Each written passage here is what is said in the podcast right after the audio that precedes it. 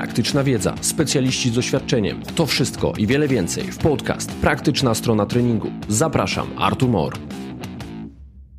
Cześć, dzisiejszym moim gościem jest fizjoterapeuta ortopedyczny Karol Szapel. Cześć Karolu. Cześć, witajcie. Nie dało się prościej przedstawić, zresztą ty sam lubisz być przedstawiany w prosty sposób. Mhm. Nie lubisz dopisywać sobie tytułów. Nawet jak próbowałem ci poprosić, żebyś pomógł mi siebie przedstawić, to e, ochoczo tego nie zrobiłeś. I jeżeli ktoś chciałby dowiedzieć się, jakie są kompetencje Karola, jaki jest jego dorobek, ja zapraszam i kieruję na stronę twoją, Karol Szapel. Tak, karolszapel.com, oczywiście. Można zapraszam. zobaczyć, jaki masz dorobek, e, skąd się wzięła twoja wiedza, do czego gorąco zachęcam. Zaczynając to nagranie, powiem, jaki jest motyw, który mi przyświecał, zapraszając Ciebie do tej rozmowy.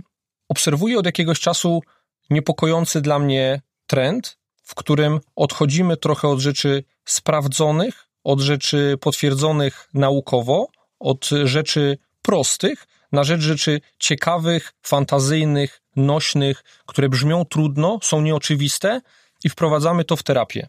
Ja uważam, że jest to bardzo niebezpieczne i mam wrażenie, że ty też, E, zwłaszcza po ostatnich wypowiedziach, które udzieliłeś gdzieś w mediach społecznościowych. A jeszcze gorsze w tym jest to, że w, po Twoich wypowiedziach w mediach społecznościowych oddźwięk, odpowiedź ze strony internautów utwierdziła mnie w tym przekonaniu, że jest duża część specjalistów, która myśli zupełnie odwrotnie, aniżeli powinna. Ja nie powiem, czy powinna, ja powiem, że się z nią fundamentalnie nie zgadzam i mam ku temu argumenty. Więc może w tą stronę. Rzeczywiście jest tak, że ja mogę powiedzieć o swoim oczywiście polu, czyli polu fizjoterapii że obserwujemy coraz więcej zmyślnych, nowoczesnych jakichś rozwiązań, form terapeutycznych, technik, metod, koncepcji, które rzeczywiście często wyglądają bardzo egzotycznie, bądź wręcz wow, to jest odkrycie, ale w rzeczywistości one nie mają najmniejszego pokrycia ze sprawdzonymi formami oddziaływania na organizm. I ja nie mówię, że to nie działa, my po prostu tego nie wiemy kompletnie, czy to działa, a reklamowane są jako bardzo i wysoce skuteczne co uważam za po prostu mówienie nieprawdy i wprowadzenie opinii publicznej w błąd. Czyli takie mody nacechowane antynaukowym podejściem wypierają tą fizjoterapię konwencjonalną według ciebie? Mam takie wrażenie. Co byś zaliczył do tych terapii nośnych, tych, które fajnie brzmią, a niekoniecznie są skuteczne w praktyce, niekoniecznie są potwierdzone naukowo? Które to mogą być terapie? Chodzi ci o konkretne nazwy, czy jakiś zbiór? Wiesz co, ja w swoich wypowiedziach w podcaście często nawiązuję mm, ironicznie, może wręcz mhm. przesadnie prześmiewczo, co może być źle odebrane, ale chcę być tym głosem krytyki i będę krytykował nawet będąc czasami na krawędzi, terapia visceralna, terapia czaszkowo-krzyżowa, nasłuch globalny, czy coraz to bardziej wymyślne terapie narzędziowe. Rzeczywiście tych terapii narzędziowych się napłodziło i one na pewno w fizjoterapii bardzo mocno spowiły fizjoterapię i one z pewnością w większości w ogóle nie są w żaden sposób uzasadnione. Y, wręcz powiem więcej, patrząc na i obserwując, mając niektórych pacjentów i widząc, jak to wyglądało, bo po prostu noszą ślady przez trzy tygodnie różnych siniaków i tym podobnych rzeczy, czy też obserwując media społecznościowe, to są publiczne rzeczy. To widać, każdy z nas widzi, jak przegląda swojego wola na jednym czy drugim medium społecznościowym. Śmiem podważać, czy jest zasadne w ten sposób uszkadzać pacjenta, bo jest to uszkadzanie pacjenta, a tak naprawdę nie wiemy, jaki jest bilans, to o czym pisałem, bilans korzyści do, do strat, tak? Więc niekoniecznie uważam, żeby to było rozsądne, może w ten sposób. Jeżeli chodzi o grupy, no wymieniłeś też dwie rzeczy, czyli terapia visceralna, terapia czaszkowo-krzyżowa, one akurat przynależą do osteopatii. Osteopatia y, nie należy do fizjoterapii, to nie jest część fizjoterapii. Jest to oddzielny zawód. Nie mówię medyczny, bo w naszym kraju nie jest to zawód medyczny. Osteopaci muszą się postarać, żeby, żeby ten zawód został uznany za medyczny, tak samo jak fizjoterapeuci się starali. I mówię to też jako osoba, która bądź co bądź kiedyś była związana z osteopatią. I ja cenię niektóre rzeczy w tej koncepcji. Natomiast to, w jaki sposób niektóre rzeczy są cały czas promowane na siłę, mimo że zostały uzasadnione, że jest to niestety wróżkarstwo, szkoda, tak? Ja miałem sposobność uczestniczyć w czasie pandemii, początku pandemii, uczestniczyć w kilku takich konferencjach online prowadzonych przez osteopatów. Starałem się tam zadać rzeczowe pytania, żeby uzyskać odpowiedzi na nurtujące mnie pytania. Swoje wątpliwości poparłem publikacjami naukowymi. To jest moja subiektywna opinia. Byłem przerażony tym, jakie odpowiedzi uzyskałem. Zostałem zbyty, zostały mydlone mi oczy i rzeczy, które tam usłyszałem, były skrajne od tego, co ja wykorzystuję w swojej terapii, czemu ja hołduję, to po prostu było bardzo i to bardzo antynaukowe podejście. Na moje pytanie, dlaczego nie próbują mm, zweryfikować tego, co mówią i skuteczności tych metod, które promują, uzyskałem jakieś trywialne odpowiedzi w postaci, no bo zajmujemy się pacjentami, bo nie mamy jeszcze usystematyzowanej metodologii, bo skoro działa, to my patrzymy na efekty, my to widzimy, że działa. Mhm. Ja rozumiem, że praktyk nie ma obowiązku robienia tych rzeczy, nie musi się też znać na nauce i badaniach. Ja to rozumiem, natomiast jeżeli korzystasz z tych narzędzi, to chyba warto by było wiedzieć, jaka jest obiektywna ocena tych narzędzi, a nie, że mi się wydaje, ja to widzę.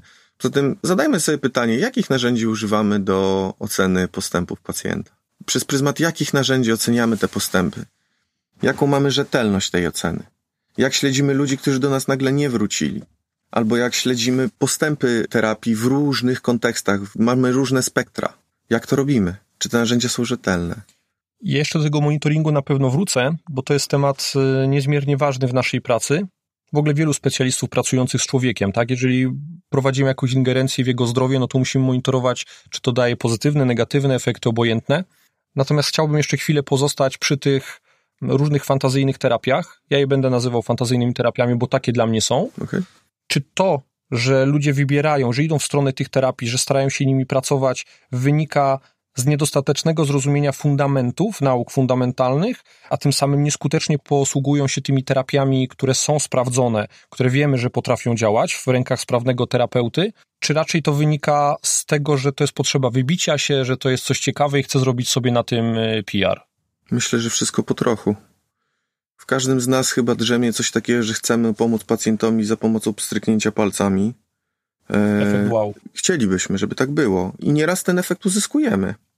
Z różnych względów. Pytanie, czy jest to efekt specyficzny, czy niespecyficzny. To jest pierwsze.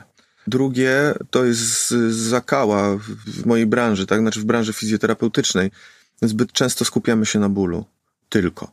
Bo to nie znaczy, że ból nie jest ważny. On jest bardzo ważny. Ale my nie leczymy tylko bólu. I no teraz jest objawem. Jest na pewno objawem, znaczy jest też już chorobą według definicji, czy to ISP, czy EFIC, czy Europejskiej, czy Międzynarodowej Federacji y, do spraw badania, leczenia bólu. Jest to już jednostka chorobowa. Niemniej jednak to nie jest jedyna rzecz, na którą powinniśmy ciągle zwracać uwagę i tak naprawdę pacjentów wrażliwiać na to. Tam w tej definicji tych organizacji, o których mówiłeś, jest komponenta chroniczności bólu? Jest. Ból, no. Generalnie ból chroniczny jest w tej chwili jednostką chorobową. Są zresztą poradnie leczenia bólu. Są, natomiast ta definicja, o której mówię i to, to rozpoznanie jakby, to jest bardzo świeża rzecz. Tak naprawdę, jeżeli się nie mylę z zeszłego roku. Mhm. Tak więc jest to bardzo, bardzo świeże i w tej chwili mam nadzieję, że będzie mocno promowane naprawdę przez potężne głowy. To ja jestem maluczki przy tych ludziach. Karolu, pozostając jeszcze przy tych różnych fantazyjnych terapiach, przy pewnej dowolności w ich wyborze, za czasów studiów usłyszałem anegdotyczne takie powiedzenie jednego z wykładowców: róbmy wszystko, może coś zadziała. Ja wtedy, jak to usłyszałem, to uśmiechnąłem się, potraktowałem to jako taką dosyć ciekawą anegdotę, tylko ten uśmiech zszedł mi z twarzy w obliczu tego, co się dzieje w mediach społecznościowych. Bo o ile w tym powiedzeniu, które usłyszałem, jest pewne ziarno prawdy, no bo ta dowolność terapii, ta mnogość tych terapii, mnogość bodźców, które możemy fundować, sprawia, że no trudno z tego wszystkiego nie korzystać, bo czasami może być zasadne, żeby tego użyć i, i przyniesie to efekt. Natomiast jest to teraz trochę taką podwaliną pod to, że wybieramy rzeczy te fantazyjne, nie? Skupiamy się nie na tym, nad czym trzeba. Znaczy ja myślę, że ludzie są pogubieni. Jakby odpowiadając poniekąd trochę na poprzednie pytanie i na, na to, tak? Mnie się wydaje, że my za mało zgłębiamy nauki fundamentalne, i sami, jako jednostki, tak? Za mało się tego uczymy. To nie jest tak, że kończymy studia i już wszystko żeśmy posiedli. No umówmy się. Nawet jakby te studia były świetne, tak? Załóżmy, że były świetnie i świetnie zrealizowane. To jest za mało czasu na zdobycie tak potężnej, tak obszernej wiedzy. Więc ja zawsze namawiam w każdych rozmowach, na każdym spotkaniu, na którym jestem, na każdym kursie, który prowadzę, czy jestem obecny, do tego, żeby cały czas zgłębiać swoją wiedzę. Jestem temu wierny, sam to robię natomiast też zgłębiać ją z bardzo dużą dozą krytyki. I teraz. Dlaczego nie uczymy się negować i, i po, poddawać wątpliwość w poszukiwaniu prawdy? Bo to powoduje, że się zaczynamy czegoś bać.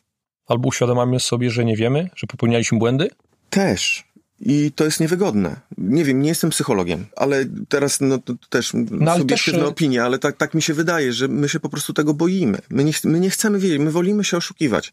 My wolimy żyć i funkcjonować, prowadzić pacjentów w poczuciu, że wszystko jest świetne i ekstra. Nie? Tylko, że naprawdę, słuchajcie, my musimy pamiętać, że my nie uczymy się na sukcesach. Człowiek nie uczy się na sukcesach. Człowiek uczy się na porażkach, na błędach. A żeby się uczyć na tych błędach, my musimy je dostrzegać i analizować. Nie? A tego nie robimy. I to uważam, że to jest po prostu droga donikąd. No.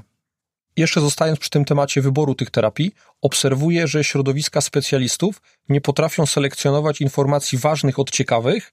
I znowu moje pytanie do ciebie: czy według ciebie, subiektywnie, to jest świadome działanie, czyli wybieram te terapie, które są nośne, czy raczej to właśnie wynika z niewiedzy? Masz Je, kontakt ze specjalistami, tak? Jedni, Bo jesteśmy w tej branży. Jedni tak, drudzy tak. Jeżeli mam być szczery, jest to oczywiście, tak jak podkreślili, subiektywna opinia, bo ja tego nie badałem w żaden sposób i nie widziałem badań, które by oceniały coś pod tym kątem. Natomiast uważam, że jedno i drugie. Są osoby, które świadomie wykorzystują, promują różne, w cudzysłowie, nowoczesne rzeczy, kompletnie nieuzasadnione i próbują je uzasadniać pseudonauką i jakimś y, krapem po prostu kompletnym albo bełkotem, bo często jest to bełkot, wyrwane z kontekstu jakieś nowinki, które często nawet nie są nowinkami, bo, bo ktoś to po prostu gdzieś tam podał kiedyś, a w ogóle nie potwierdził. No, już to, to jest rozmowa na dwa tygodnie, ale... Ale ja lubię, tego jest, pojawił się emocje u ciebie. Tego jest, tego jest mnóstwo, tak, bo tego jest mnóstwo, ale to w żaden sposób nie uzasadnia skuteczności jakiegoś oddziaływania, ani jego bezpieczeństwa. Wiesz, no wiele metod korzysta z tego. Powiem szczerze, całe, powię, wszystkie powięziowe terapie to robią. Pokażcie mi badania skuteczności określające skuteczność terapii powięziowych w konkretnych przypadkach, w konkretnych grupach pacjentów. Ups. Pokażcie mi, że określone zaburzenia, które diagnozujemy, mają w ogóle związek z problemem pacjenta. I teraz nieważne, czy to jest zlepienie, zagęszczenie, densyfikacja, jętka, jakbyśmy to tam nie nazywali, udowodnijmy najpierw, że to ma związek z problemem pacjenta. Ja chcę widzieć to, że to ma związek, że to ma sens, a dopiero później w ogóle poddawajmy pod jakiekolwiek, nie wiem, zastanawianie się, rozważanie, czy jakakolwiek terapia, czy stymulowanie tych konkretnych miejsc ma sens. Oczywiście pomiędzy pominąłem, jak określamy, że to miejsce jest, czy nie jest. Mhm. Po kolei, tak? A tu nie ma kolejności. Jakby nie ma nic złego w odkrywaniu tych rzeczy i niektóre informacje, na przykład o biologii tych rzeczy, czy neurofizjologii tych rzeczy, czy zazwyczaj strukturze, bo to w większości odnosi się do struktury, są bardzo ciekawe. Kropka. Są bardzo ciekawe. I tylko tyle. Ale one w żaden sposób nie uzasadniają słuszności wykonywania tych zabiegów w taki, a nie inny sposób. To jest niezrozumienie nauki. To, tak jak powiedziałeś, to mnie przeraża że ludzie nie potrafią tego dostrzec. Jak coś mądrze brzmi, to niektórzy ulegają wow. Znaczy ja zauważyłem, że jak powiesz w tej chwili układ nerwowy, tak, to już zaczyna sprawę. Super, już tak, nikt nie wnika, oczywiście. no bo nie ma kompetencji, żeby o tym układzie nerwowym rozmawiać, bo to wychodzi, wychodzi z jego wnętrza, że on wie, nie, nie wiem nic na ten temat, czyli ta osoba, która użyła tego sformułowania, z całą pewnością wie więcej niż ja, zaufam jej. To jest błędne założenie. I teraz moje kolejne pytanie. Kto kogo oszukuje? My siebie, my pacjenta, czy szkoleniowcy młodych terapeutów?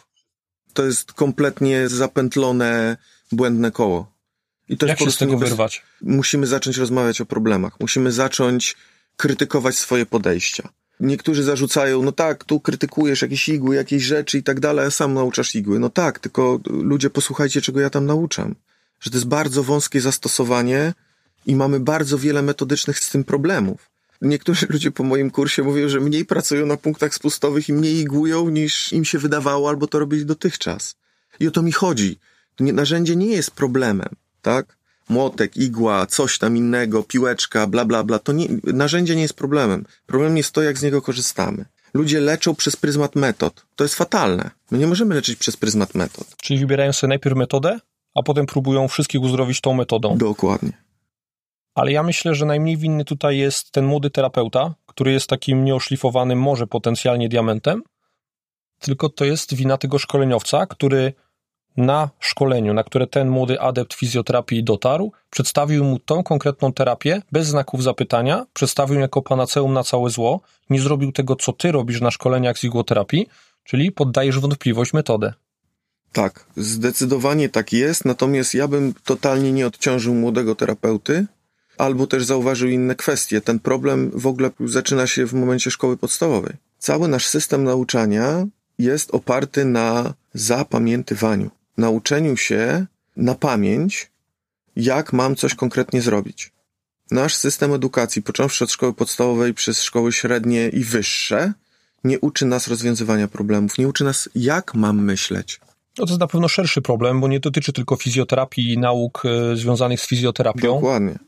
Ja nie sposób mnie się z tobą nie zgodzić, bo, bo jest tutaj dużo prawdy w tym, co mówisz, przynajmniej takiej subiektywnej, którą ja dokładnie widzę w ten sam sposób jak ty. No i teraz zostanę znowu w tych poszukiwaniach tego winowajcy. Z uwagi na doświadczenie, z uwagi na dużo większy czas spędzony w zawodzie, doświadczeni fizjoterapeuci, którzy prowadzą szkolenia, to oni powinni być tymi mentorami, którzy powinni uczyć, jak w praktyce wykorzystywać tą wiedzę, czego się wystrzegać i teraz uwaga, jak poruszać się w publikacjach naukowych, jak poszukiwać prawdy.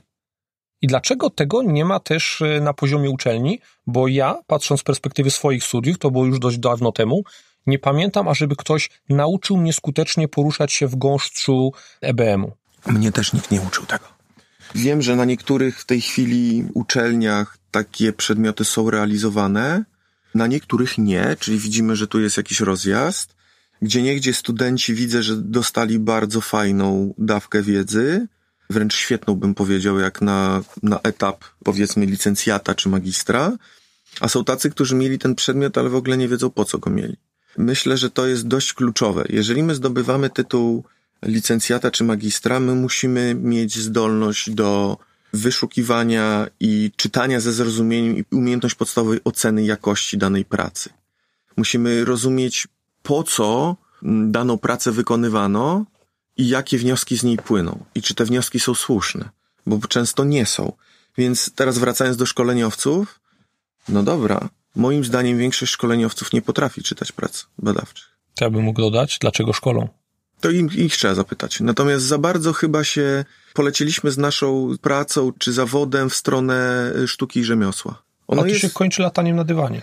Tak. Sztuka i rzemiosło jest ważne, natomiast ono jest nie bardziej ważne niż szereg innych rzeczy, jak umiejętność właśnie krytycznego, konstruktywnego myślenia, umiejętność y, komunikacji z pacjentem, rozeznanie w świecie naukowym, czy na tyle, to za mocno brzmi, po prostu, czy ty czytasz te badania i czy ty je czytasz ze zrozumieniem. Ludzie mówią, że czytają, a tak naprawdę ledwo abstrakt przeczytali.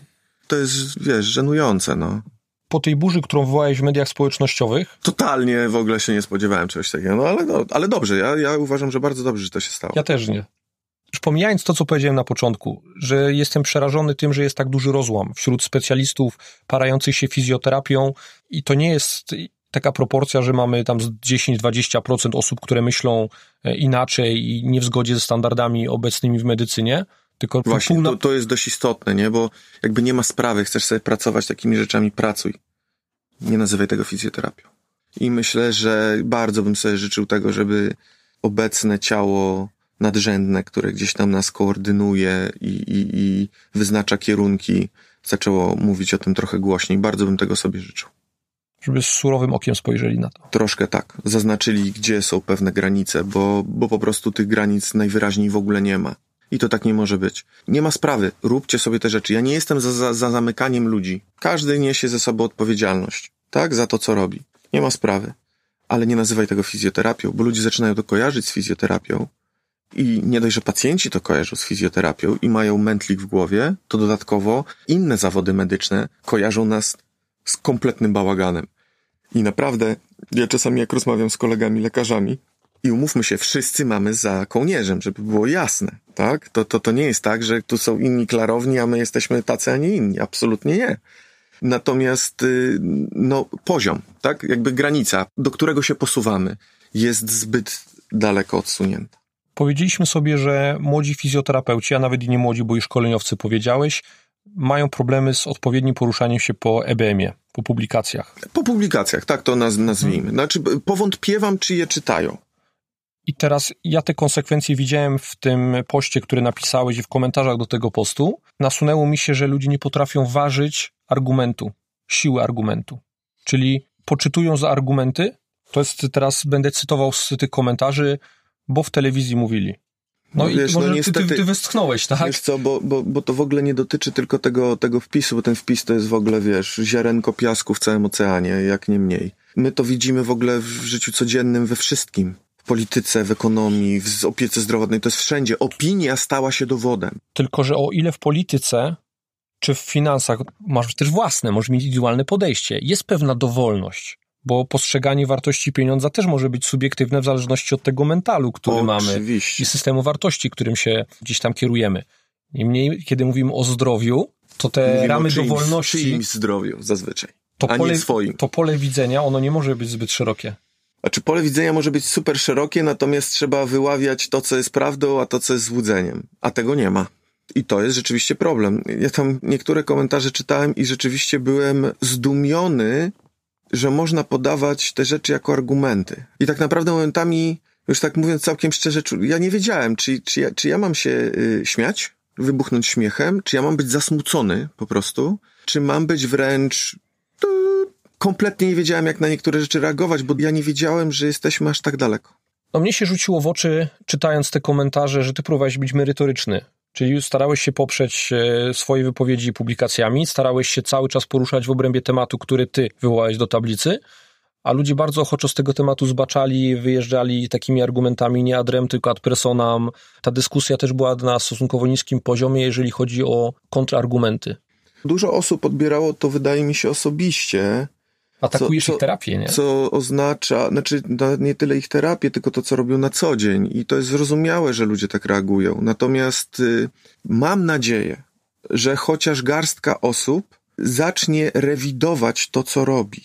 Jeżeli tak, odniosą sukces. Niech to będzie garstka osób. I to nie chodzi o to, żeby natychmiast przestali robić to czy co. To nie w ogóle, nie to było przedmiotem tego postu, tak? Chodzi o pewną słuszność i zasadność, nie? Ja tam przedstawiłem ki- kilka takich, próbowałem zrobić empatyczne porównania. Czy ty chciałbyś, idąc gdzieś, jakbyś zadał pytanie, otrzymać taką, a nie inną odpowiedź? To na nas działa. Natomiast rzeczywiście ludzie reagowali bardzo emocjonalnie, bo po prostu odbierali to jako gdzieś tam atak trochę na siebie, bo się z tym identyfikują. Naprawdę nie musicie tego robić, kochani. Nie musicie się identyfikować z tymi rzeczami. Ja mam też mnóstwo znajomych, którzy nie identyfikują się i nie muszą siebie definiować przez pryzmat technik, metod, które skończyli. Naprawdę, to nie jest potrzebne. Czy fakt, że nie mamy czasu jako fizjoterapeuci, bo pracujemy z pacjentami, on jest argumentem, ażeby powiedzieć, że ja nie mam czasu na czytanie publikacji naukowych EBM-u. Ja już ci powiem, jaki jest motyw mojego pytania. W takiej medialnej odpowiedzi na ten temat, który poruszyłeś, na tą całą konwersację pod twoim postem, usłyszałem wypowiedź, że nie sposób czytać wszystkich publikacji naukowych na dany temat i nieustannie weryfikować wiedzy związanej, czy dana terapia jest skuteczna, czy nie, w którą stronę pójść. I teraz pierwsze, o czym pomyślałem słysząc to, ludzie nie wiedzą, jak wybierać sobie te publikacje, na których powinni się skupić i które nie muszą przeszukiwać wszystkich publikacji z tego internetu, bo uwaga, ktoś zrobił to za nich. No i teraz Ma to swoją nazwę nawet, taka no, publikacja. no właśnie, i teraz wprowadzeniem do odpowiedzi na to pytanie, które zadałem, w pewien sposób jest, yy, uważam, bardzo wartościowa rozmowa, którą odbyłeś z Joanną Tokarską, ile pamiętam, na temat y, właśnie EBM-u. No i może taką puentę tej rozmowy byś y, teraz przedstawił. Ja się totalnie zgodzę z tą wypowiedzią, że się nie da. Bo się nie da. Tego jest za dużo. Oczywiście, że tak. I nawet badacze mają konkretne kierunki, które badają, które zgłębiają i, i weryfikują to, co jest i, i robią swoje, swoje projekty badawcze. I tu się zgodzę. Natomiast jest coś takiego jak przeglądy systematyczne, są metaanalizy, zawarte w nich metasyntezy. To są artykuły, w których za pomocą pewnych dość rygorystycznych metod oceny i analizy autorzy podają nam pewne zbiorcze wyniki kilku, kilkunastu, kilkudziesięciu, kilkuset prac, które wykonali inni, dodatkowo oceniając jakość metodologiczną tych wcześniejszych prac, czyli zwalniają, jakby trochę nas odciążają. To nie znaczy, że każdy przegląd systematyczny jest świetny, bo tak nie jest. Natomiast na pewno je, jest to już bliższe jakiejś prawdy. I teraz słuchajcie, jeżeli coś wykazuje nieznaczne zmiany, tak? Albo jest niejednorodne, to my natychmiast musimy być względem tego krytyczni. Ja tak robię. Ja względem tego, co robię na co dzień, czy czego uczę, patrz igła, Bo będę to podkreślał, jestem bardzo krytyczny. I uważam, że w wielu przypadkach jest to po prostu kompletny bullshit. Więc... Czyli jak chcesz przestać pracować igłami, idź do Karola Szapela na szkolenie. Tak, można by tak powiedzieć, dokładnie tak. Nie, to jest uzmysłowienie sobie, kiedy warto to wykonać. Rozumiesz? Kiedy co wiemy, co nam mówi, że warto to zrobić. To nie jest często. Natomiast wracając, no to są przeglądy systematyczne, tak? A my najczęściej, i to widzę na wielu grupach, do których należę, tych fizjoterapeutycznych, całkiem fajnych, na które są różne, często też burzliwe rozmowy, to ludzie najczęściej wrzucają badania mechanistyczne. Najczęściej. Czyli które określają, czy zwracają uwagę na jakieś zjawisko. Albo wrzucają tak zwane przeglądy literatury. Czyli przegląd literatury w większości zwykły przegląd jest taki, że sobie siadłeś, chcesz napisać na jakiś temat i wybierasz sobie te prace, które, przepraszam, pasują ci. Masz myśli, szukasz potwierdzeń, no tak bo chcesz napisać jest, temat. Tak jest, więc to już jest... I to jest zasadne, ale w pewnym kontekście, nie, tak? No, Jeżeli, to służy no... rozwojowi, to, to może natchnąć, to może zwrócić uwagę na pewne aspekty. Ja często czytam takie przeglądy, które są kompletnie w niezgodzie z moim jakimś postrzeganiem czegoś, na przykład. I próbuję się odnieść do tego, próbuję znaleźć, gdzie ja mam błąd, wyrwę, albo gdzie Ktoś druga błąd strona. poznawczy. Tak, dokładnie tak. I jakby to jest taka ciągła, ciągła walka, walka myśli. to, czym mówisz, już wymaga pewnego doświadczenia. I ja też y, patrząc na moją historię jako studenta, jako młodego specjalistę, no, tu potrzebujesz czasu. Tego, Tak. to tu nikt ci nie poda recepty, tu nikt ci nie da protokołu, jak masz to robić. Y, Musiałeś sobie to wypracować. Każdy sobie musi to wypracować. To jest potrzebny czas. Tak. Więc ja bym taki komentarz do tego dodał. Jak jesteś młodym specjalistą, daj sobie ten czas. Mhm. Powątpiewaj, daj sobie czas na powątpiewanie. Czas musi upłynąć. Nie próbuj przekonywać też innych na siłę do swoich racji, jak masz 23-24 lata, bo bardzo dużo jeszcze wtedy nie wiesz. Jak bądź bardziej krytyczny wobec siebie niż innych. Jest to na pewno taki czas, w którym znacznie lepiej inwestować w siebie i w to takie właśnie krytyczne podejście, które będzie sprawiało, że, będzie, że jesteś prawdziwszy. Po prostu. Życie jest ciekawsze. Ja jeszcze mam taką myśl. Może argumentem przemawiającym za tym, że te terapie fantazyjne są wybierane, jest to, że one potrafią dać efekt wow. Tylko pytanie, czy ten efekt wow jest dzięki tej terapii, czy może po prostu czas zrobił swoje. Ja posłużę się pewnym przykładem, żeby nadać tło pytaniu. Jeżeli trafia do nas ktoś z low back pain, dolegliwości bólowe dziwym odcinku kręgosłupa, które potrafią być bardzo niespecyficzne i właściwie są jedną z najbardziej niespecyficznych dolegliwości.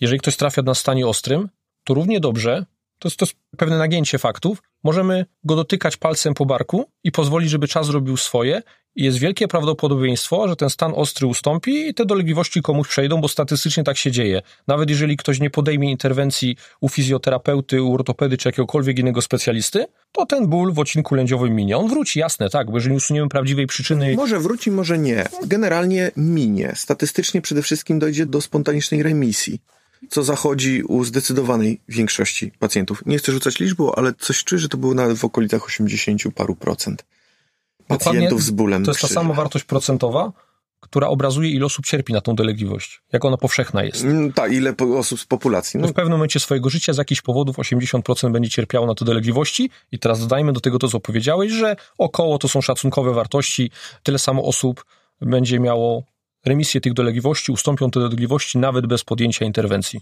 No i teraz, wiedząc to, to jest faktem, bo to jest przebadane, nałóżmy na to zastosowanie jakiejś fantazyjnej terapii. I dostaliśmy piękne potwierdzenie tego, że jakakolwiek terapia w tym przypadku by zadziałała, nawet jeżeli to będzie podnoszenie opadającej nerki. Wiesz co, to może być podnoszenie opadającej nerki, ale to też może być jakieś super ćwiczenie z zewnętrznym obciążeniem, żebyśmy byli szczerzy, tak? Więc y, jak dla mnie podstawową rzeczą jest to jest numer jeden, upewnić się Tylko- na ile pacjent jest bezpieczny. I jeszcze przerwę, bo odpowiadasz na to pytanie, ja przerwę tą odpowiedź. Trochę jakby dałeś znak równości pomiędzy ćwiczeniem zewnętrznym obciążeniem, a tym... Chciałem to za chwileczkę tym rozwinąć. Okej, tym, tym prześmiewczym, co ja powiedziałem. No tego znaku równości nie możemy tu postawić.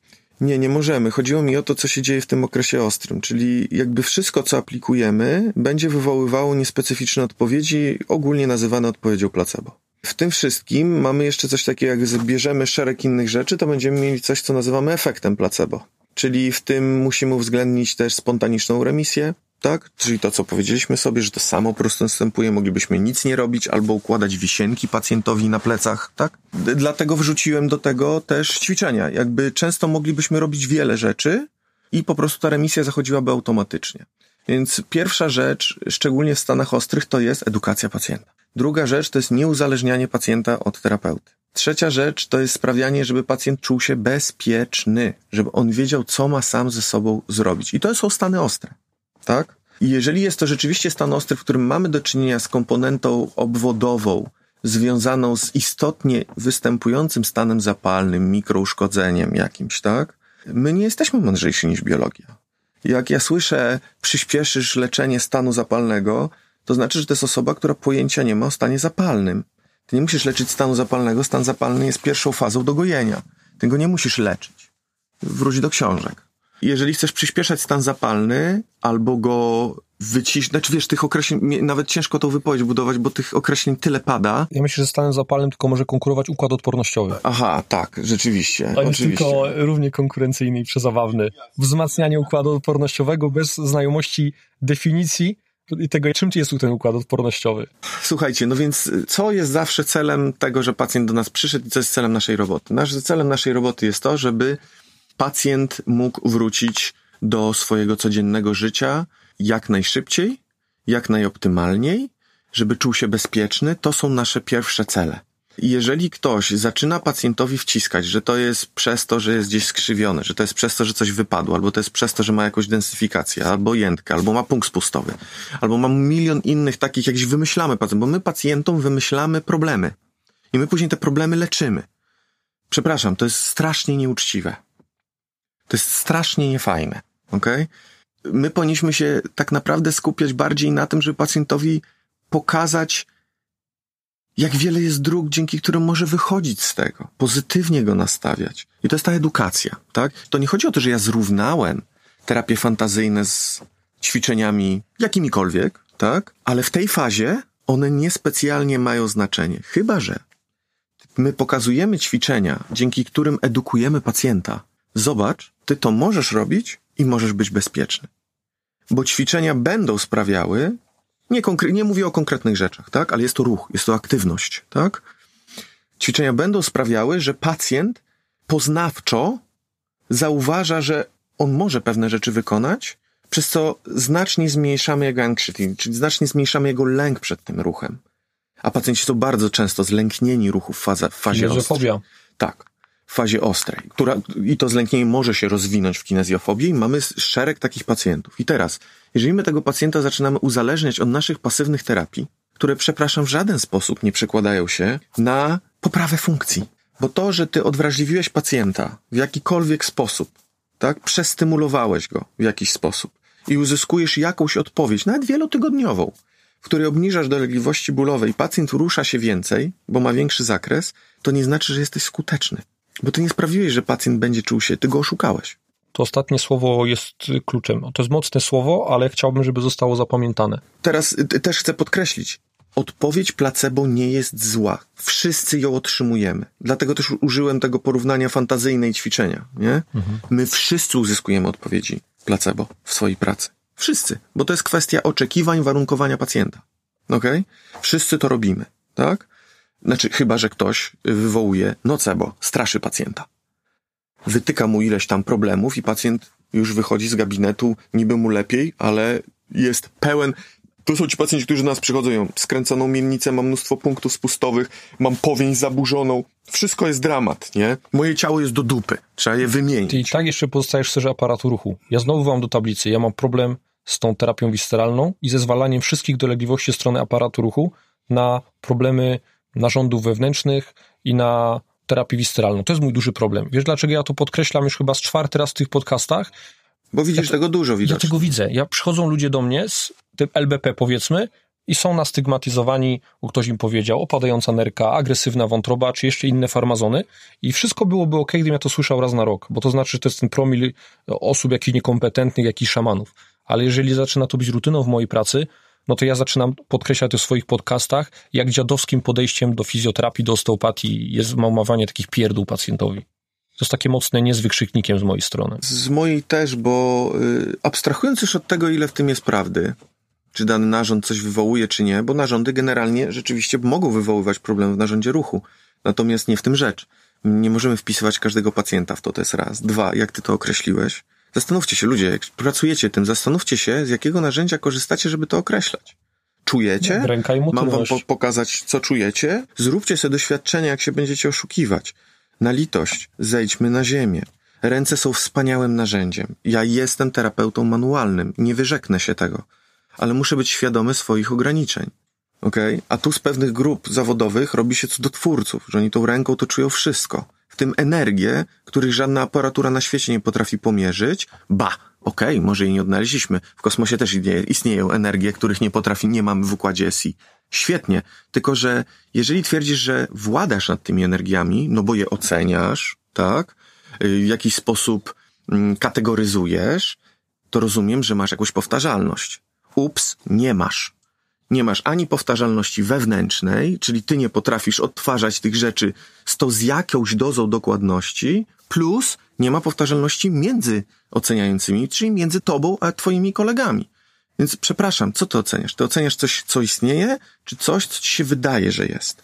To powiedz mi, to wydaje się być bardzo oczywiste, co mówisz. To jakby trudno mi nawet podjąć dyskusję na ten temat, poddawać to wątpliwość. A jednak to się robi. No właśnie, ja powiem nie tylko to się robi, tylko znaczna część osteopatii na tym bazuje. Ja znowu mówię o osteopatii, nasług globalny, podstawowa, jedna z podstawowych metod diagnostycznych. No o czym mówimy? Jak w ogóle można, w w ogóle może tak. Karol, dlaczego ty wybrałeś tę osteopatię, a mówisz mi dzisiaj takie rzeczy? Dlaczego? Dlatego, że ja szukałem y, rozwoju, byłem natchniony. Zatem na swojej drodze jako młoda, bardzo młoda osoba poznałem dość doświadczonych klinicystów, którzy także byli osteopatami. Była to Debra Bakowska, y, był to Daryl Herbert, y, był to Steven Sandler. To były osoby, które naprawdę miały kilkadziesiąt lat doświadczenia, od dwudziestu paru do czterdziestu, pracy z pacjentami. To nie chodzi o to, bo ja bym ich nie wrzucił do worka z osteopatami, absolutnie nie. Jednego wspólnego. E, My wszyscy mamy swoje mankamenty, ja też bardzo duże, natomiast do czego dążę? Oni mnie nauczyli zwracania uwagi na pewne istotne rzeczy, na pewną indywidualność. Tylko, że ja w, w toku rozwoju swojego klinicznego, naukowego i tak dalej zauważyłem, że nie do końca o dostrzeganie takiej indywidualności mi chodzi. Że narzędzia, które wykorzystuję do oceny tej indywidualności jednostki, którą się zajmuję, są strasznie zakłamane. Czyli zaczynam wymyślać sobie rzeczy. I słuchajcie, ja to czułem. Ja to czułem.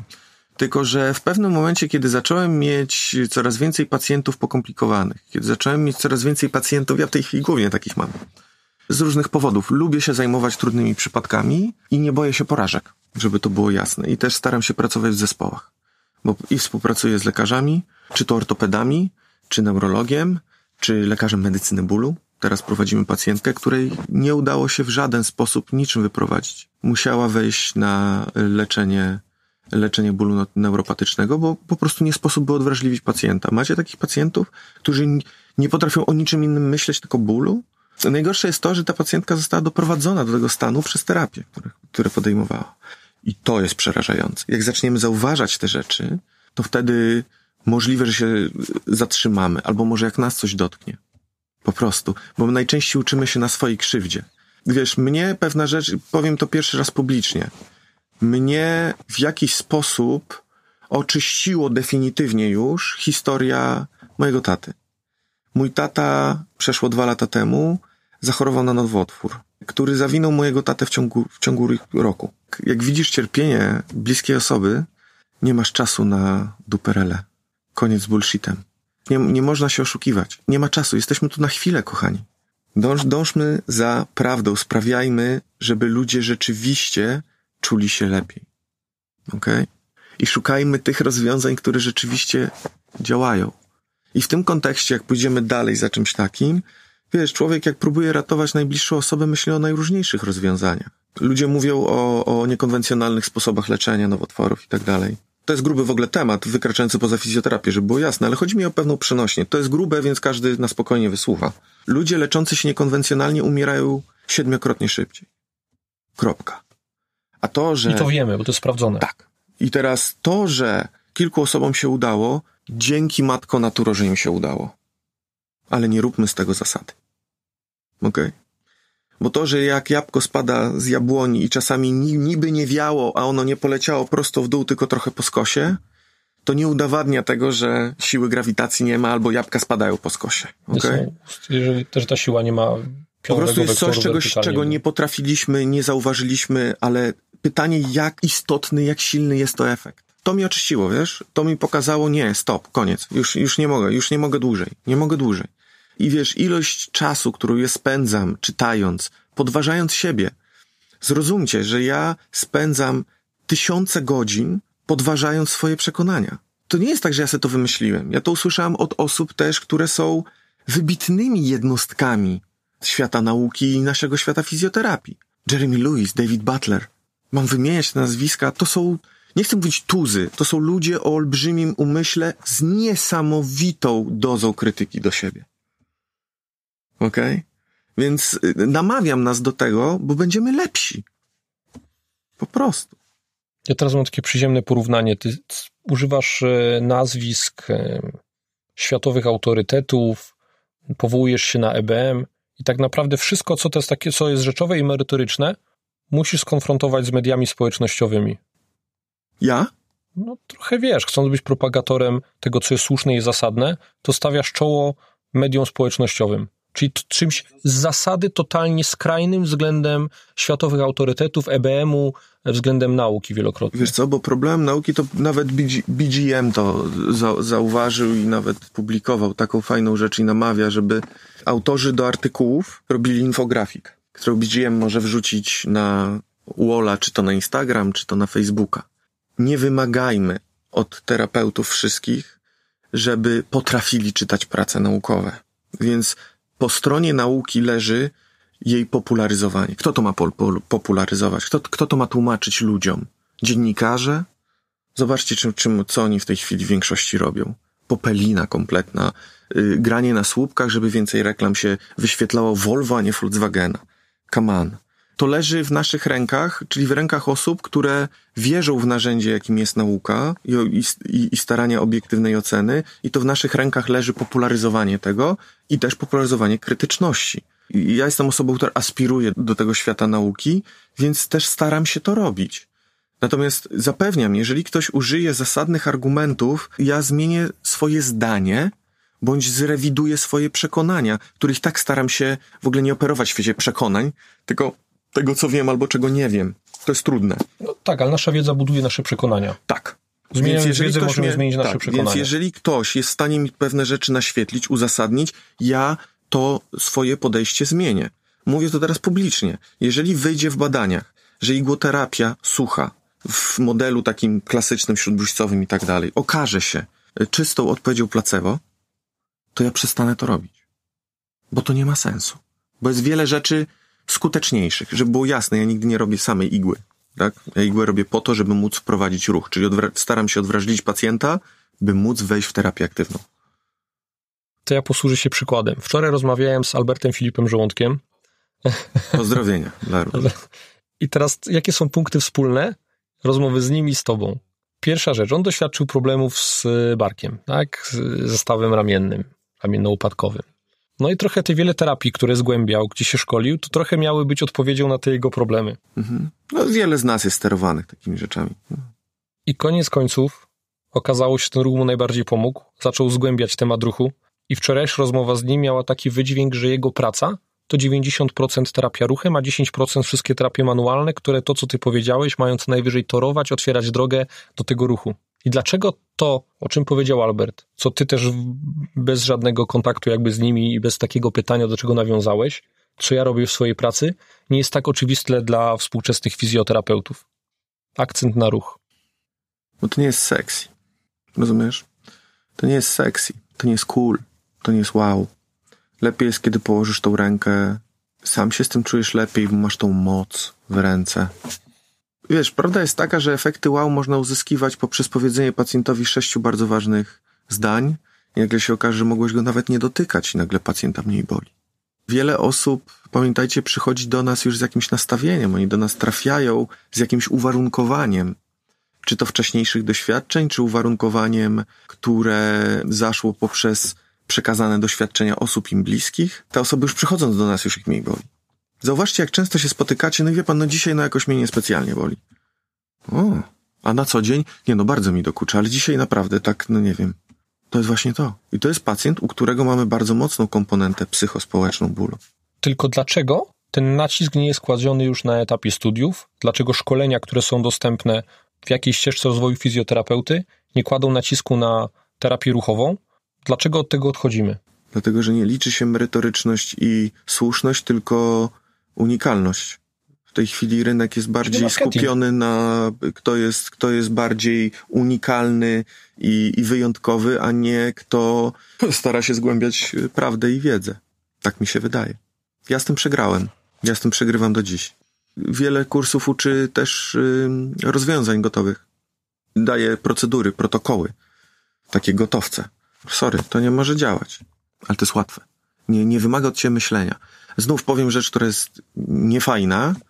Ona się tyczy wszystkich z nas. Nie, nieważne jakim jesteśmy levelu i tak dalej. Za mało nam się chce myśleć. A nasz zawód to jest przede wszystkim umiejętność krytycznego i konstruktywnego myślenia. Przede wszystkim. Cała reszta to jest tylko przedłużenie tego. I teraz albo coś stosujemy na pałę, to jest moje znane określenie radziecki saper, tak? Zatkane oczy, zatkane uszy i nogą próbuje coś znaleźć, na chybił trafił, się uda albo się nie uda, tak? Albo staram się być specyficzny, używać, staram się, bo to nie znaczy, że będę w pełni. Nie będę, ale będę bliższy. To jest to, ludzie chcą tego wow. Chcą tego, oh, chcą być nowocześni, chcą być pionierami. Chcą być tymi, co wyprzedzają. Słyszałem określenia, nie wiem kto to ostatnio wrzucił, chyba u Dachowskiego to było, tak, że praktyka zawsze wyprzedza badania. Byłbym ostrożny z tego typu stwierdzeniami. Tobie się wydaje, że ona wyprzedza. Okay? Ty nie masz narzędzi do tego, żeby to ocenić. Że często odkrycia mają miejsce w wyniku przypadku. Zgadza się. Jeżeli coś takiego widzisz, natychmiast staraj się to obiektywnie ocenić, a nie idź w to dalej, bo twoja obserwacja mogła być zakłamana też standard oceny tego, o czym mówisz, zależy od czasów, w których żyjemy. Bo ile byliśmy w średniowieczu i medycyna raczkowała, i nie mieliśmy narzędzi diagnostycznych, nie mieliśmy protokołów badawczych, nie mieliśmy ustandaryzowanej metodologii naukowej, to ta komponenta eksperymentu, losowości. Mm, Byłby uzasadniony wtedy. Tak, takie wtedy mieliśmy narzędzia. Przy takim etapie rozwoju nie mogło to wyglądać inaczej. Jesteśmy w całkowicie innym momencie, w którym nauka pędzi, nauka daje nam ogrom narzędzi, to nauka zadaje pytania i odkrywa. Komponenta przypadkowości, losowości zaczyna być marginalizowana, ona jest coraz mniejsza. Większość jest rzeczy, komponentą, ale to nie ale jest większość główny... odkryć naukowych się planuje, motor. czyli badamy zjawiska, żeby wiedzieć o nich więcej i odkrywać ich nowe możliwości. To już nie są te same czasy. Nie. Ja pamiętam to, o czym powiedziałeś, czyli praktyka e, wyprzedza, e, wyprzedza naukę. No, słyszę takie rzeczy, tak to było zasadne jeszcze może w treningu siłowym w Związku Radzieckim. Nie? Kiedy się ale robiło... Do, ale oni, ile oni wysiłku włożyli w to, żeby to uzasadnić? Jasne, jasne, ale oni... I do dzisiaj się na tym opieramy. Nie? Bo niewiele wymyślono, nie? Co ciekawe, jak, jak teraz ktoś mówi, że trening siłowy odkrywa nowe rzeczy, ja tak, mówię, tak. aha. aha tylko nie? poczytaj, tam 74 była taka ciekawa pozycja, nie? Dokładnie. Tam, tam Prilepin i cała, cała reszta w ogóle Dokładnie. publikacji Zaciorskiego, to wszystko, no to kurczę, to już było, tak? To, to myślę, że jest fajna argumentacja do tego, co się mówi, czyli że praktyka kroczy przed e, nauką, tak? Że, że, to, że odkrycia się dzieją w gabinetach, a nie, a nie w innych miejscach. Wiesz co, tak. W laboratoriach. Ludzie, zdawajmy sobie sprawę, jesteśmy zmanipulowani narzędziem, który, którym to obserwujemy, sobą, relacją. My nie jesteśmy w stanie wszystkiego tak dokładnie ocenić i sprawdzić. I, i słowo mnie to działa, zawsze zadaję pytanie, co określiłeś, a jak nawet ci działa, super, Okej, okay, ale teraz pamiętaj, że ty uwarunkowujesz pacjenta na to. A równie dobrze moglibyśmy, y, moglibyśmy zrobić i położyć wisienki na pacjencie, o, o, ile tylko, albo kamyczki, bo wisienki to tak pacjenci wiedzą, co to są wisienki, to nie za specjalnie zadziała, ale próby z kamyczkami magnetycznymi już były, też działały. tak ja bym jeszcze dodał, dodał takie zdanie, może się odniesiesz do niego. Pozbawienie bólu pacjenta w efekcie terapii jednorazowej ja nie poczytuję jako sukces. Może tak, to nie zawsze jest sukces to ja, to powiedziałem to na początku, -hmm. traktuję to jako leczenie objawowe. -hmm. O ile ten ból nie jest chroniczny i nie jest, y, nie jest tym bólem, który ty powiedziałeś, że sklasyfikowany jako jednostka chorobowa i nie musimy go leczyć samego w sobie. Ale to też nie jest jedyny cel. E, nigdy. Nigdy leczenie Ale zobacz, samego bólu nie jest wow najczęściej celem. związane są z usuwaniem efektu bólowego. No tak, no bo on jest najsilniej sterowany poprzez odpowiedzi placebo. Czyli poprzez tak naprawdę zjawi niespecyficzne zjawiska biopsychologiczne czy psychobiologiczne. Ja w takim razie trochę zdeprecjonowałem ten ból teraz, ale chciałbym, żebyśmy znaczy, jakby leczenie tego bólu, nie? To jest leczenie dla mnie objawowe. Wiesz, co jest problem? Coś ci powiem. Problemem nie jest to, znaczy, jak ja to wyszczególniłem w ostatnim, w kolejnym wpisie, który później po, popełniłem, jakby dokończyłem, bo ja go przygotowałem już jakiś czas, o, o placebo, tak? Jakby problem nie leży w tym, że korzystamy z jakiejś terapii, która jest tam wow, niesprawdzona i tak dalej, ale jednak widzę, że pacjentów boli mniej. Tylko, że problem polega na tym, że to niekoniecznie jest ta terapia a ty pacjentowi nawijasz makaron, że to jest ta terapia, a cała reszta to jest szmelc. Że ćwiczenia to w ogóle tam ćwiczenia. To tutaj trzeba sobie coś rozcierać, jakimś najlepiej przyrządem, bo uzdrowiciel musi mieć różdżkę przecież, więc trzeba coś rozcierać, nawbijać igieł, zrobić bańki, nie wiem, coś przystawić. Pamiętajcie, warunkujecie pacjenta. Jak nawet jeżeli to działa, to wy nie macie podstaw ku temu, żeby mówić, że to jest skuteczne w ogóle, wysoce skuteczne, co zazwyczaj twierdzicie, tak? Nie macie żadnych za tym dowodów, prócz, bo mnie to działa, wybacz, opiniach sąsiada Henia z drugiego piętra. Uzasadnijcie to. Dlaczego ci ludzie nie robią badań, które określają poziom skuteczności tych metod? Mam wymieniać te metody? Nie chcę tego robić, ale mógłbym je wymienić. One są ekstremalnie popularne w tej chwili w Polsce. Ja nie wiem, czemu nie chcesz ich wymieniać. Dlatego, że ja nie chcę wchodzić w bezpośrednie konflikty z ludźmi. Ja chcę ludziom dawać do myślenia. Niech sami dostrzegą co. To jest słuszne podejście, etyczne bardzo. Tak, bo moim, moim celem nie jest atak... Naprawdę, ja nie chcę atakować kon konkretnych ludzi. To ja myślę, jest, że dałeś uważam, dowód, że to jest donikąd. Nie? Dałeś dowód temu w tym poście, o którym już kilka razy mówiliśmy. To były argumenty ad remni ad personam i to wybitnie podkreśliłeś w każdej odpowiedzi na każdy komentarz. E, tylko mnie aż to zmęczyło. Czyli ja patrząc na to, jak wyglądają media społecznościowe tej branży, ja będę tym głosem, który jednak zdarza mu się zaatakować personalnie osoby, mm -hmm. bo mhm. uważam, że robią dużo złego. Mm -hmm. To oni są, tak jak ty próbujesz być popularyzatorem nauki, tego działania etycznego, tego działania, które nas rozwija i które czyni ten zawód ym, profesjonalnym, mm -hmm. tak oni robią dokładnie odwrotnie i deprecjonują zawód fizjoterapeuty do poziomu szamana, magika, czarodzieja. Zresztą, powiedziałem słowo magika. Niestety, zdarza mnie się, tak jest, no. zdarza mnie się słyszeć, gdzie przychodzi do mnie pacjent czy podopieczny i mówi, no ja pójdę do tego magika, żeby mi tam strzelił z kręgosłupa. Mhm. Sami pacjenci, ludzie uważają niektórych fizjoterapeutów, a z całą pewnością osteopatów, za magików. Teraz, czy chcesz być określany magikiem? Czy to jest żartobliwe, trochę jak z tym róbmy wszystko, może coś zadziała?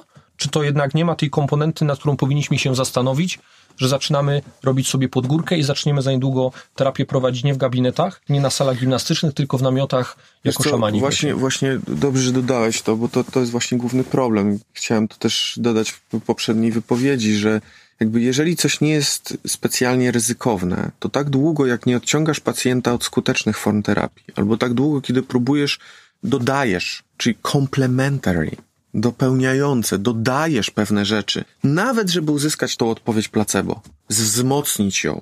Nie ma sprawy tak długo, jak to służy temu, żeby poprawić funkcję pacjenta, dać mu samodzielność. Zobacz, to tylko pomogło. Tak naprawdę to dzięki zmianie Twoich przekonań, droga pani, drogi panie, tak? Utwierdzajmy pacjentów w tym, że wiele mocy sprawczej jest w nich, a nie w naszych rękach jak często spotykamy się z ludźmi, którzy regularnie chodzą na zabiegi od lat kilkunastu. Po co? Przepraszam, no to jest jak uzależnienie. No nie, nie wolno takich rzeczy robić. Oczywiście są pacjenci wymagający regularnej do końca życia opieki, tak? Ja nie mówię o takich osobach, nie? Jesteś fizjoterapeutą ortopedycznym. Mhm. Co robi fizjoterapeuta ortopedyczny? Z czym on pracuje? Znaczy ja pracuję... Jakim układem? Y, ja przede wszystkim pracuję z... No, pracuję z każdym układem, ale pracuję z pacjentami, którzy odczuwają problem w narządzie ruchu i mają problem z poruszaniem się w różnych aspektach. Może być to ból, może mieć to nie zgina mi się, jestem po urazie, mam zwyrodnienia, tak, o ile one mają jakiś wpływ bądź nie, bo niektóre mają, niektóre nie, różnie to bywa. Natomiast generalnie jest to plus minus narząd ruchu, plus od dawna zajmuję się pacjentami w bólu chronicznym. A to już jest o, olbrzymie hmm. zagadnienie.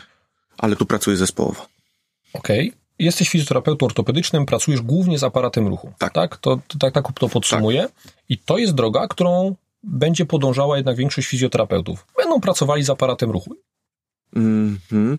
Znaczy, no, myślę, że, że, że fizjoterapeuta neurologiczny też pracuje poniekąd z aparatem ruchu. Tylko z aparatem ruchu, no bo... Problem jest gdzie indziej. Okej, okay, no dobra, mhm, dawaj dalej. Jakbyś zgradował, na których rzeczach powinni tacy terapeuci się skupić, które są dla nich najważniejsze, a które są ciekawe? Czyli jeżeli spróbowalibyśmy sobie teraz zbudować taką piramidę rzeczy ważnych i ciekawych, to co jest w terapii e, najważniejsze? Jaka terapia może jest najważniejsza?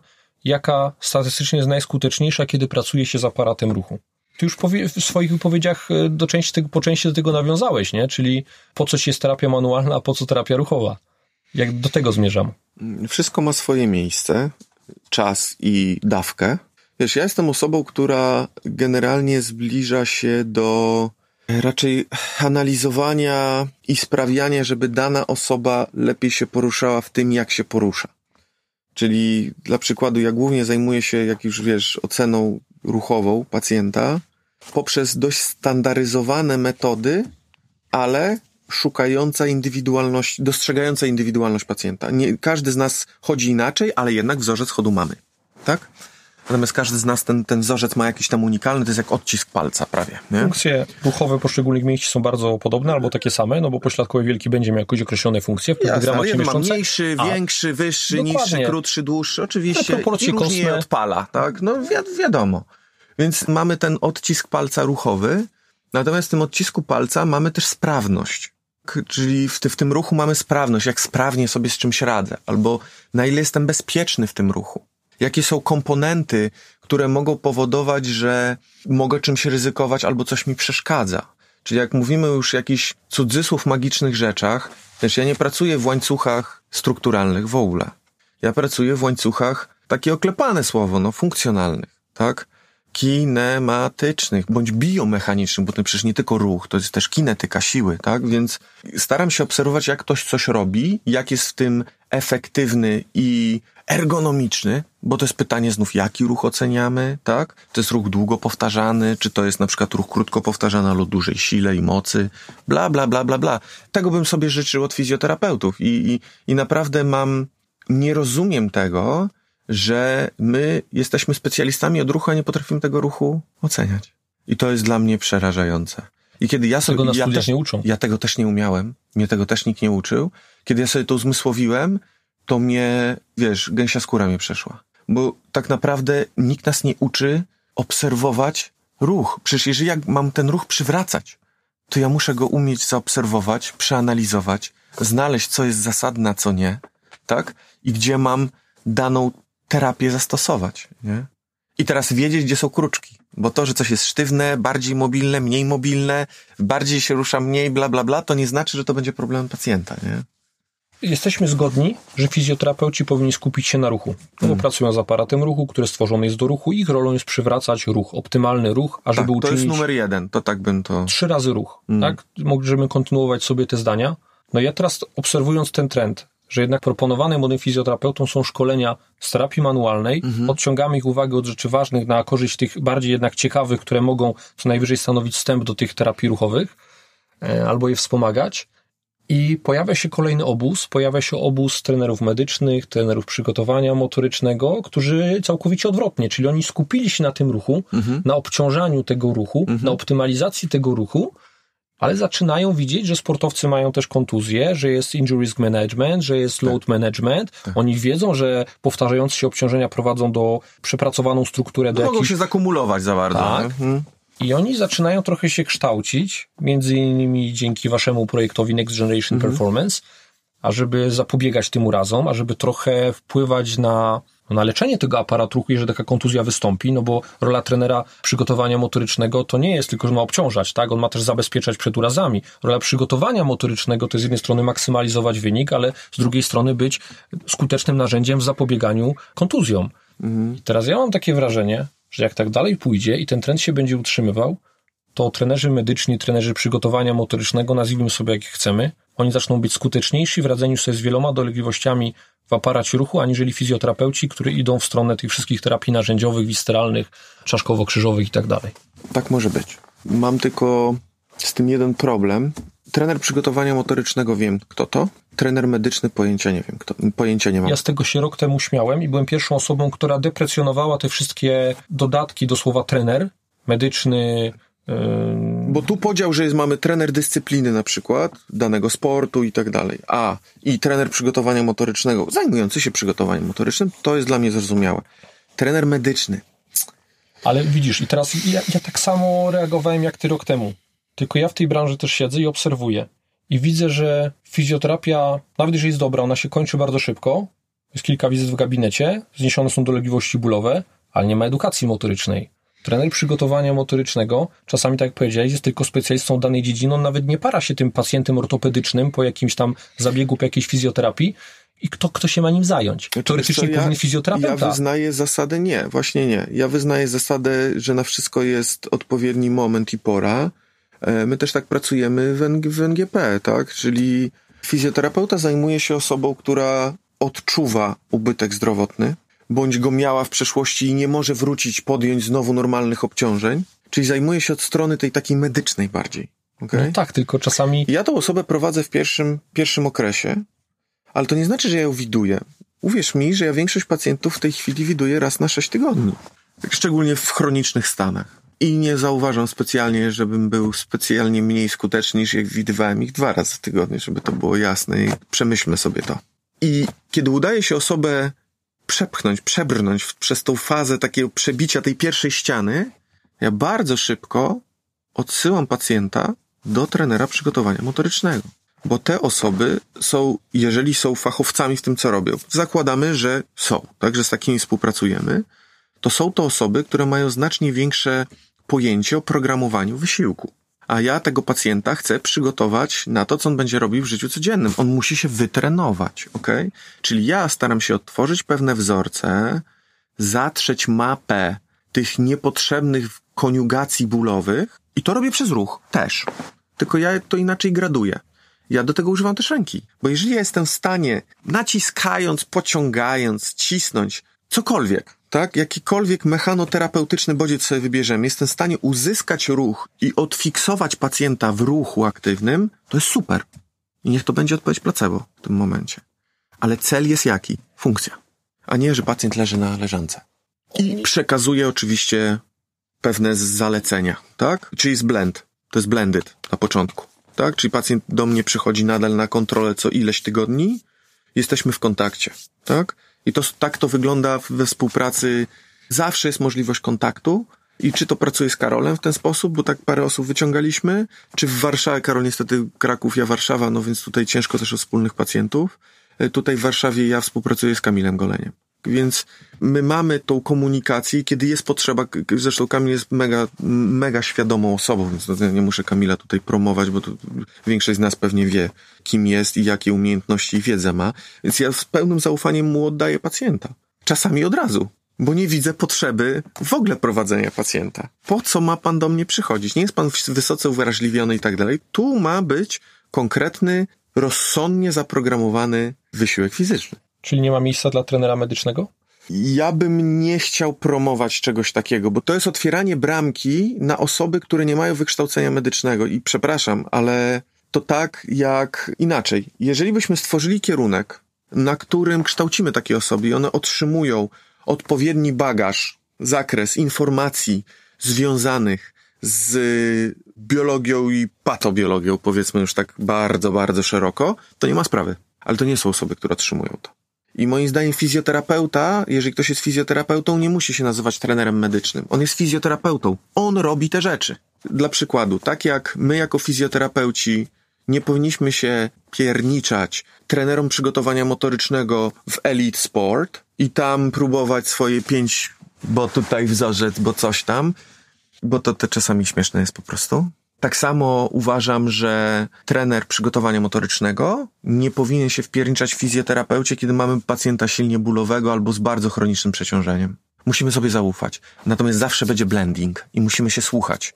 My się możemy jako fizjoterapeuci, ja się olbrzymich ilości rzeczy nauczyłem od Karola. Karol mi wskazał bardzo wiele podręczników, autorów, kierunków, dzięki którym rozwinąłem wiele swoich umiejętności już w tej chwili, ale też wiedzy. A Karol, mam nadzieję, też vice versa. tak? I to jest zblendowane. Ale ten blending polega na współpracy, a nie, że jeden zastąpi drugiego. O nie. To się nie uda. Ja bardziej widzę e, miejsce dla trenera medycznego w procesie kontynuowania tego powrotu do zdrowia, kiedy jeszcze jest za wcześnie na sport wyczynowy, a jednocześnie trzeba myśleć o tym zdrowiu. Wiesz dlaczego? Bo fizjoterapeuci jednak, nawet bazując na zajęciach klinicznych, które mają w czasach studiów, oni wiedzą, że są różne jednostki chorobowe, oni wiedzą, co to jest zdrowie, przynajmniej powinni wiedzieć, wiedzą, jak to zdrowie szanować, przede wszystkim nie szkodzić, tak powinno być, nie zawsze też tak jest, jak się okazuje. Trenerzy przygotowania motorycznego, oni mają bardzo małą wiedzę medyczną. Mhm. Ja uważam, że o na tyle małą wiedzę medyczną, że nie są w stanie bezpiecznie prowadzić takich pacjentów, których się od razu wypuszcza po fizjoterapii. Ja wiem, że są wyjątki, no bo to, to co powiedziałeś. Dlatego powiedziałem uczycie, o blendingu. Uczycie się między sobą, tak? Ty od yy, Karola Uważam, Kruczka, że na Karol tym to ciebie. powinno polegać. Jedni powinni dostać, po pierwsze, uważam, wiem do czego dążę, Tylko- że, że zasadny jest ten trener medyczny. Bo to jest trochę takie zaginione ogniwo dla generalnej populacji pomiędzy fizjoterapią, a pomiędzy sportem Ale moim wyczynowym. zdaniem tym trenerem medycznym jest fizjoterapeuta do któregoś momentu, a później trener przygotowania motorycznego od któregoś momentu. Rozumiesz? Nie widzę potrzeby fizjoterapeuci- tworzenia nowego zawodu. To kształćmy dobrze fizjoterapeutów. I jednych, i drugich. I trenerów przygotowania motorycznego. Bo powiedziałeś, że fi- współczesny fizjoterapeuta kończący studia nie jest przygotowany do pracy z ruchem. Wiesz co? Ja to obserwuję. To prawda, obecny trener też nie. Jakby to jest bardzo szeroki problem że nie ma- kształcenia, nie? To jest dramat. Powiedzmy sobie to szczerze, ok? Nie wiem, ile osób cię słucha. Powiedzmy sobie szczerze. Programy kształcenia mówi o fizjoterapii. To jest dramat. I najgorsze jest to, że nie, nie podejmujemy konstruktywnych ruchów, żeby coś z tym zrobić. Ja wiem, że jestem ideowcem, wiem, że często i dobrze, że są osoby, które mnie hamują, hola, hola, Karol, nie da się wszystkiego naraz, ja to wiem. Ale jeżeli my zaczynamy projektować coś od dziubdziania, że tutaj się ułożę z tym, a tutaj z tamtym, a tutaj ekonomicznie, a tutaj ten się zdenerwuje i tak dalej, to my przestajemy projektować piękny dom, my projektujemy co najwyżej oborę. Więc ja byłem uczony zupełnie inaczej procesu projektowego. Tworzysz arcydzieło, a później starasz się odcinać te rzeczy, które rzeczywiście są z jakichś powodów nierealne. A u nas się robi gniota na dzień dobry, żeby wszystkich zadowolić. Nie. Dość. Jakby mam dość takiego postępowania. Naprawdę dość. Więc życzę sobie tego, żeby programy edukacyjne, mówię o swojej działce, fizjoterapii, zostały poddane bardzo, bardzo wnikliwej y, krytyce i rewizji.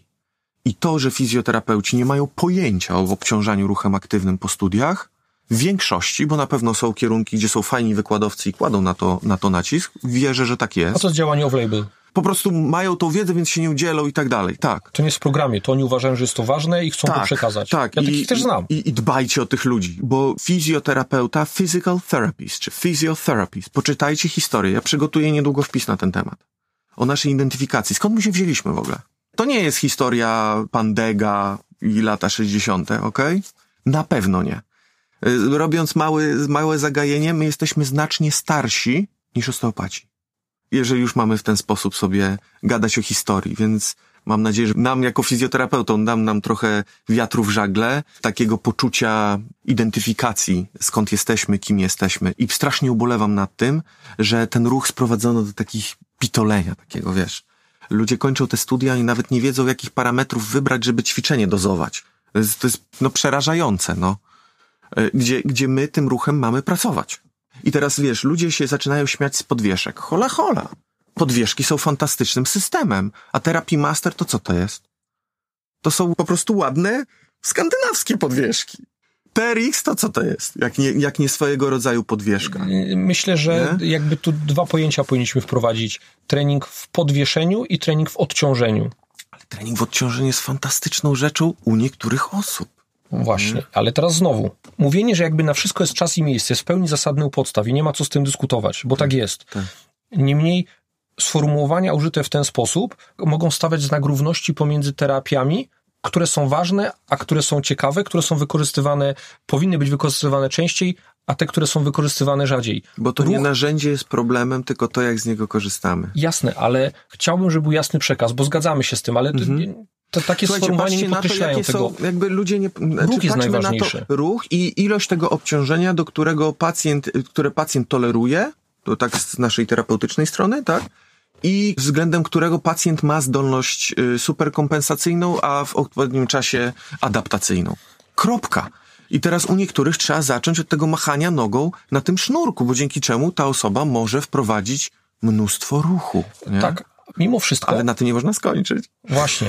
Czasami nawet od tego nie powinniśmy zaczynać. Czasami też nie, oczywiście, że tak. I gdybyśmy znowu te procenty, ja wiem jak to czasami mm. przezabawnie brzmi, jak się próbuje procentami coś określić, zwłaszcza jak to jest subiektywne, ale patrząc na moje doświadczenie, na moją pracę, którą wykonuję, na ludzi, z którymi pracuję w branży mm. i mam też jakąś tam ich próbę, mm -hmm. subiektywne doświadczenia, to jest 90% jakaś forma ruchu mhm. i najczęściej ona się sprowadza do jak najszybszego dociążania struktury, mhm. a nie do terapii manualnej, odciążania i narzędzi. To jest 10% wszystko. Mhm. A teraz takie sformułowania, że na przykład jest czas i miejsce, trochę budują zbiór 50 na 50. A ja bym chciał podkreślać, że ten zbiór nie jest taki. Okej, okay, ja to dlatego zaznaczyłem. To nie to mam na myśli. Chodzi o to, że czasami chcesz wprowadzić ruch, ale niekoniecznie ten ruch musi być wysoce obciążony, jeżeli chodzi o opór. Tak? O to mi chodzi. Więc pytanie, jaki mam cel ruchowy? Dlaczego to wykonuję? A tego brakuje. Brakuje tego zastanowienia.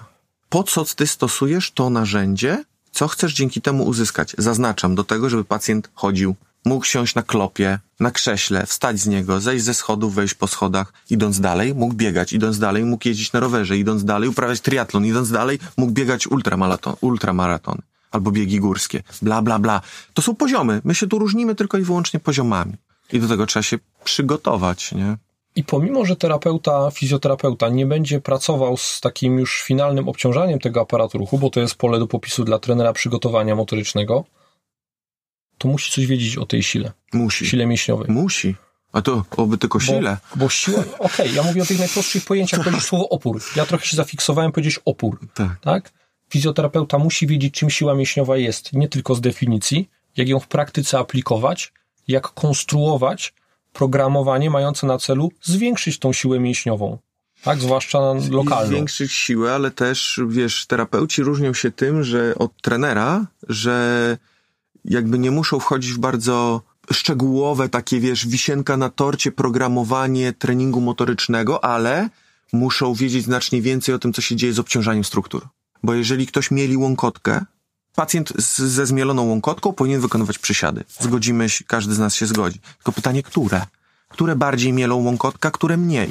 To terapeuta powinien wiedzieć i to już wie, nie, oczywiście nie tylko ze względu na siłę, ale też pewne obciążenia, zjawiska biomechaniczne, które występują akurat tutaj w obrębie łąkotki. A na chwilę nie? obecną powiedziałeś o, podać pewien przykład. Tak, terapeuta tak. Nie wie prawie nic o sile mięśniowej, współczesny terapeuta. Mhm.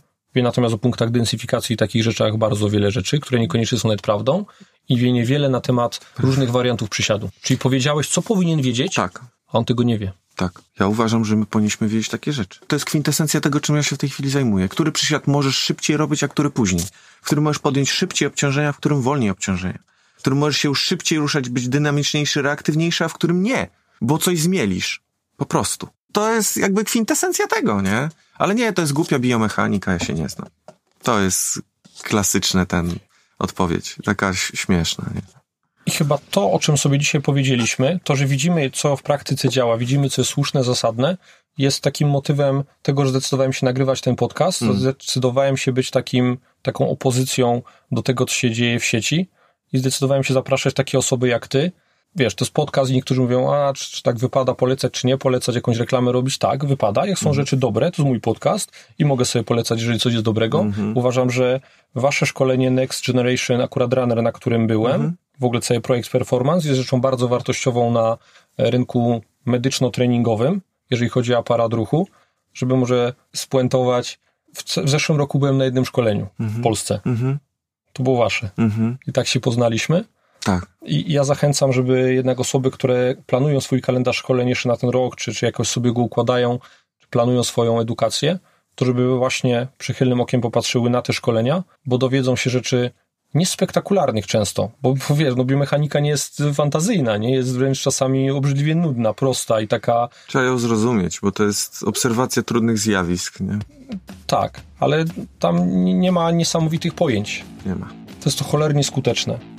Ja tak uważam i mam za tym stojące argumenty. Są oczywiście rzeczy, na które biomechanika też nie odpowie. Poza tym tak? biomechanika, o której my mówimy zawsze jest uproszczeniem rzeczywistego świata, no bo jak niekolwiek, jakkolwiek sobie nie rozrysujemy wektorków sił działających daną strukturę... To jesteśmy dalece od tego, jak one Oj, rzeczywiście przebiegały. To jest... Y, Jasne, że tak, ale jesteśmy bliżej. A na pewno podnosząc y, opadającą nerkę jesteśmy dalej. Tak mi się wydaje. Ja też mam takie wrażenie i mam nadzieję, że ten podcast przekonał ludzi, żeby rozważyli nasz punkt widzenia i może przyznali mu rację, zweryfikowali sobie to, co mówiliśmy i mieli żeby, jakieś zadanie domowe. Żeby chociaż była refleksja, na przykład do tego namawiam. Tak? Nie, nie, ludzie nie muszą się ze mną zgadzać. Ja będę bardzo szczęśliwy, jeżeli... Ja jestem bardzo szczęśliwy, jeżeli ktoś mnie zmusza do refleksji, i tego samego sobie życzę. Bardzo bym chciał być osobą, która nie tyle zmusza, co sprawia, że inne osoby mają refleksję i tego bym nam życzył więcej rozmysłu. Więcej takich osób jak ty, Karolu, w tej branży. Bardzo, bardzo Ci dziękuję za spotkanie. Dziękuję za rozmowę, za poświęcony czas. Cześć, hej. Dzięki wielkie, hej.